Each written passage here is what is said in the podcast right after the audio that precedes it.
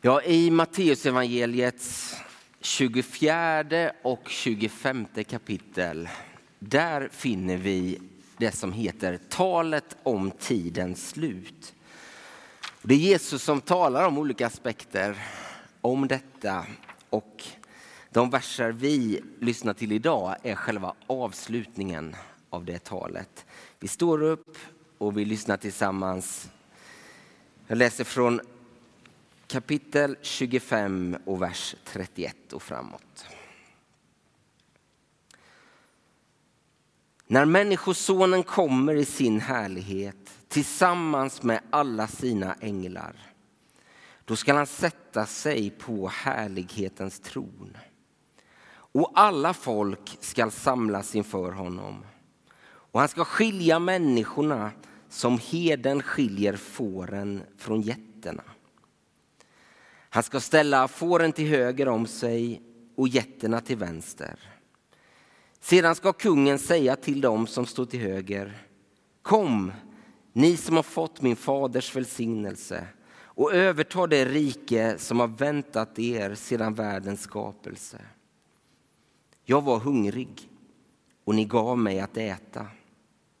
Jag var törstig och ni gav mig att dricka. Jag var hemlös och ni tog hand om mig. Jag var naken och ni gav mig kläder. Jag var sjuk och ni såg till mig. Jag satt i fängelse och ni besökte mig. Då kommer de rättfärdiga att fråga, Herre, när såg vi dig hungrig och gav dig mat? Eller törstig och gav dig att dricka? När såg vi dig hemlös och tog hand om dig? Eller naken och gav dig kläder? Och när såg vi dig sjuk eller i fängelse och besökte dig? Kungen ska svara dem. Sannerligen, vad ni har gjort för någon av dessa minsta som är mina bröder, det har ni gjort för mig. Sedan ska han säga till dem som står till vänster. Gå bort från mig, ni förbannade till den eviga eld som väntar djävulen och hans änglar. Jag var hungrig och ni gav mig inget att äta. Jag var törstig och ni gav mig inget att dricka. Jag var hemlös och ni tog inte hand om mig. Jag var naken och ni gav mig inga kläder. Sjuk och i fängelse och ni besökte mig inte. Då kommer också de att fråga, Herre, när skulle vi ha sett dig hungrig eller törstig eller hemlös eller naken eller sjuk eller i fängelse och lämnat dig utan hjälp? Då ska han svara dem. Sannerligen, vad ni inte har gjort för någon av dessa minsta, det har ni inte heller gjort för mig. Dessa ska gå bort till evigt straff, men de rättfärdiga till evigt liv. O Herre, till vem skulle vi gå? Det är du som har det eviga livets ord. Tala nu liv in i våra liv. Amen.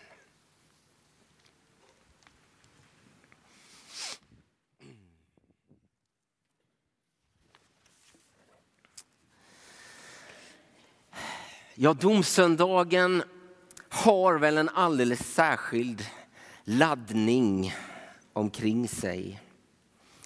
Tidens slut, får och getter. Någon som ska komma som en tjuv om natten. Himmel och helvete. Det är ödesmättat. Men det räcker ju med att läsa dagens text ur Gamla testamentet för att vi också ska få en annan bild och en annan laddning kring domen.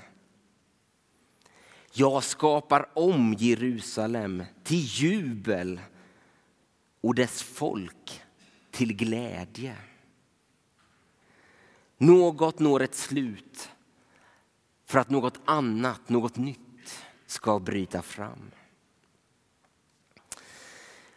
I den tidiga kyrkan, bland de första kristna och efterföljarna, då var det här med Kristi återkomst tydligt präglat av förväntan, av glädje.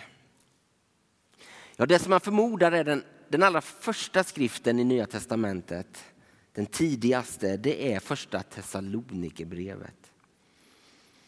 Och där är det tydligt att bland dem som kommit till tro på Jesus, de räknade med att själva vara i livet när Jesus kom tillbaka. Därför så blev man ju minst sagt något förvirrad när människor i församlingen började dö och Jesus hade fortfarande inte kommit. Paulus han ger sin undervisning då om att de döda, ja de skall uppstå tillsammans med Kristus den dag han kommer. Och som tur är för oss så började man efterhand inse att det kan nog dröja ett litet tag till innan Jesus är här. Annars hade man ju inte bemödat sig att skriva ner någonting. Vad kunde vara viktigare än att vinna människor för Gud? Men man skrev ner det som sen blev vår bibel. Och man började hitta strukturer i kyrkan som också kom att bli bestående. Men vi kan alltså se att från allra första början så har man upplevt att nu är vi nog inne i den yttersta tiden ändå. Nu är det väldigt mycket som pekar i den riktningen. Och människor har klivit fram och spekulerat och ibland angett väldigt tydliga datum för när detta skulle ske. Trots att Jesus själv säger lite tidigare i det här talet om tidens slut. Dagen och timmen känner ingen, inte ens himlens änglar, inte ens sonen, ingen utom fadern. Men det var tydligt att det fanns en, en positiv förväntan, glädje och befrielse kopplad till Jesu återkomst. I en av de allra tidigaste gudstjänstordningarna som man har hittat, ja där fanns det ett särskilt utrop i samband med varje gudstjänst. Maranata. Du vår Herre kom. Du vår Herre kom. Det här präglade varje gudstjänst. Men så någonstans längs vägen så avtar den här ivriga förväntan. Och det är som att känslorna kring tidens slut också ändrar karaktär. Från det förväntansfulla till något mer ängsligt. Det finns säkert de ibland oss i vår gudstjänst idag som har upplevt rädsla eller till och med ångest över tanken på att Jesus skulle ha kommit tillbaka och hämtat de sina till sig och så blir man lämnad kvar. Ja, det tycks att de som har lättast att ta till sig föreställningen om Kristi återkomst och inte minst domen. Det är människor som lever under olika former av förtryck. Likaså då på andra sidan av det, kanske de som har svårast för det är de som anar att man lever över sina tillgångar. Har tagit sig rättigheter som inte var befogade. Ja, återigen, bland de första kristna så är ju också det här med förtrycket i allra högsta grad en verklighet. Därför var bönen stark. Kom Herre snart. Ställ dem som har torterat och mördat inför rätta. Det romerska förtrycket, romarriket. Det var ju det som var så påtagligt bland det judiska folket under Jesu tid, de första lärjungarna. De tog ut orättfärdiga skatter.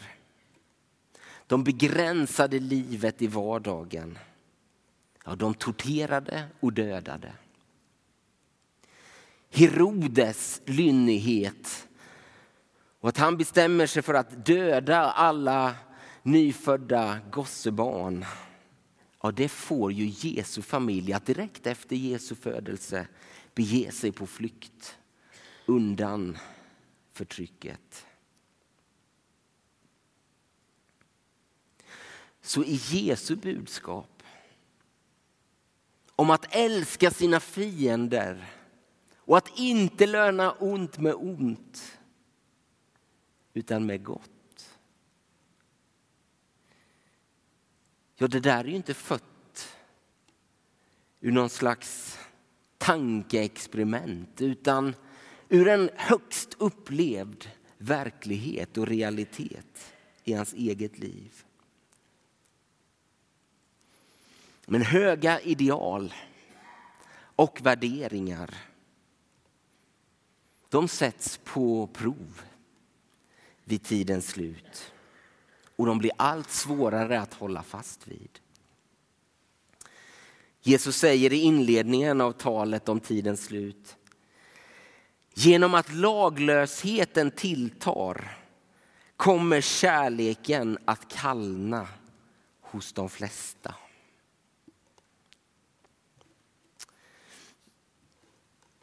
Det är värt att notera att när Jesus talar om tidens slut så gör han det ofta till de religiöst tvärsäkra. Skriftlärda och laglärda eller för all del sina egna lärjungar.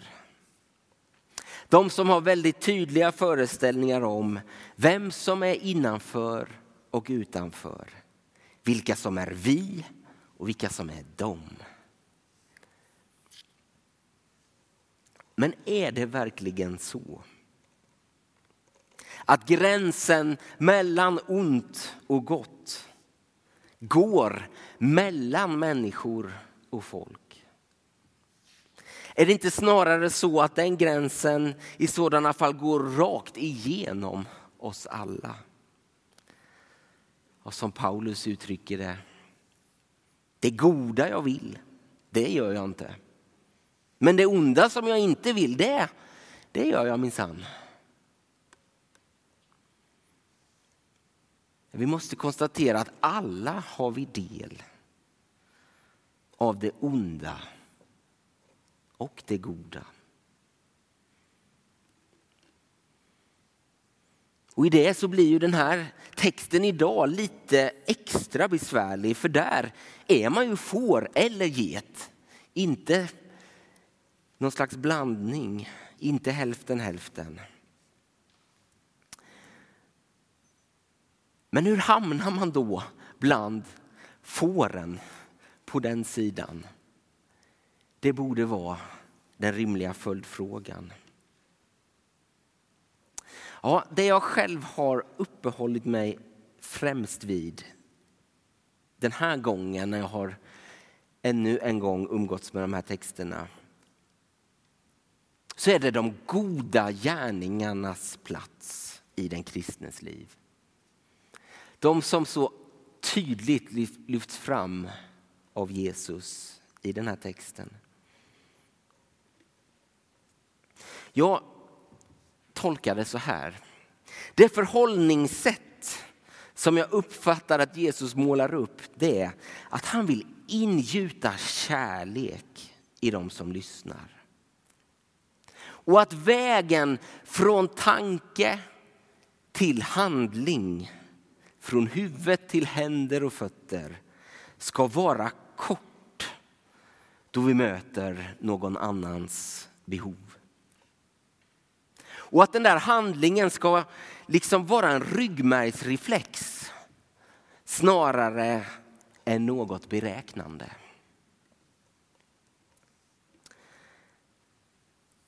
Vi ska kort bara titta på två andra texter som också talar om detta med gärningarna. de goda gärningarna i den kristnes liv. Jag läser från Lukas 18 och 9. Till några som litade på att de själva var rättfärdiga och som såg ner på andra riktade han denna liknelse. Två män gick upp till templet för att be. Den ene var farisé, den andra tullindrivare. Farisén ställde sig och bad för sig själv. Jag tackar dig Gud för att jag inte är som andra människor. Tjuvar och bedragare och horkarar eller tullindrivaren där. Jag fastar två gånger i veckan. Jag lämnar tionde av allt jag köper. Men tullindrivaren stod avsides och vågade inte ens lyfta blicken mot himlen utan slog med händerna mot bröstet och sa Gud, var nådig mot mig, syndare. Jag säger er, det var han som gick hem rättfärdig snarare än den andre. Ty den som upphöjer sig ska bli förödmjukad och den som ödmjukar sig ska bli upphöjd. Där är det självrättfärdigheten Jesus vill åt. Tron på att man hamnar i rätt förhållande till Gud bara man handlar rätt enligt religiösa system. Den andra texten återger jag bara. Vi har återkommit till den en hel del under den senaste tiden här i församlingen när vi har talat om vår inriktning. Efesierbrevet 2, 8-10. Där blir det så tydligt att Guds nåd, det är alltid en gåva som man aldrig kan förtjäna genom några gärningar överhuvudtaget utan bara ta emot. Men när man väl har gjort det så fortsätter texten med att säga, då är den mest naturliga responsen man kan tänka sig att ge det goda vidare. De goda gärningar som Gud från början har bestämt oss till. Med att se på det här med gärningarna från lite olika infallsvinklar så kan vi nog konstatera att det räcker inte bara med goda gärningar. Om vi inte också tar emot den rakt igenom oförtjänta gåvan ifrån Kristus själv. Den handlar aldrig om prestation. Och det handlar alltid mer om vad det är Jesus har gjort än vad det är vi har gjort. Men den som då lärt sig att ta emot gåvan och igen känna Kristus i den minsta och den mest utsatta kommer att handla driven av Jesu kärlek. Snarare än utifrån tanke om beräkning och belöning. Ja, vilka helveten på den här jorden skulle inte kunna avbefolkas om allt fler handlade så. Och när himmel och helvete kommer på tal, då ska man aldrig glömma att det finns många helveten att bekämpa redan här och nu. Att be som vi gör snart i Herrens bön. Om att Guds vilja ska ske på jorden så som i himmelen. Det är att erkänna omvändelse och tro som någonting som inte bara är en fråga på andra sidan tidens slut, någon annanstans, utan i högsta grad något som handlar om nuet. Och den teologi som lägger allt fokus bortom livet på jorden, den ska man vara en smula skeptisk inför. Men en Gud som har makten och äran från evighet till evighet måste förr eller senare kunna sätta en gräns för ondskans inflytande. Och den som älskar på riktigt kan aldrig vara likgiltig, distanserad. Men som vi läste i andra Petrusbrevet, det är för vår skull han dröjer. För att ge oss chansen både att omvända oss men att också vara med att forma Guds rike. Och det finns beteenden som inte håller måttet för Guds rike. Som måste läggas åt sidan.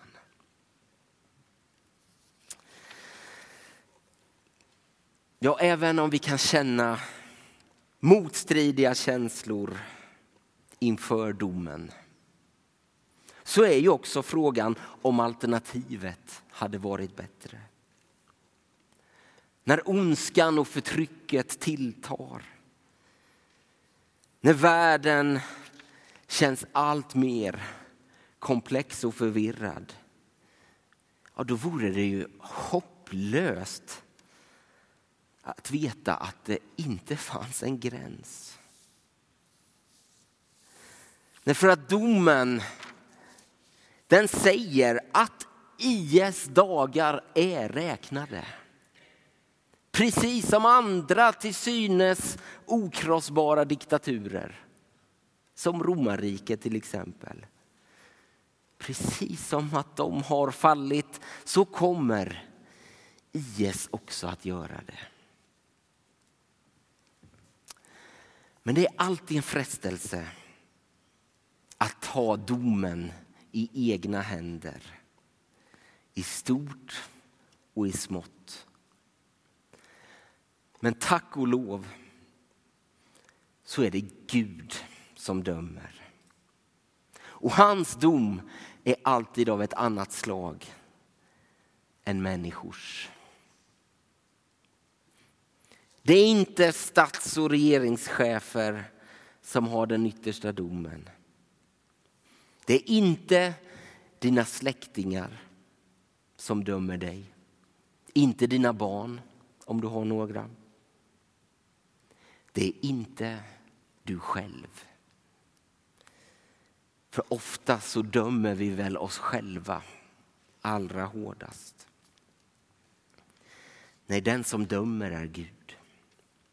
Han som på allt sätt vet vad det är att vara människa han som kom till världen för att var och en som tror på honom inte ska gå under utan ha evigt liv. Han som ber för sina egna bödlar. Förlåt dem, Herre. De vet inte vad de gör. Och så tänker jag till slut den kärlek som är på riktigt. Den som är sann och god. Den tvingar sig aldrig på.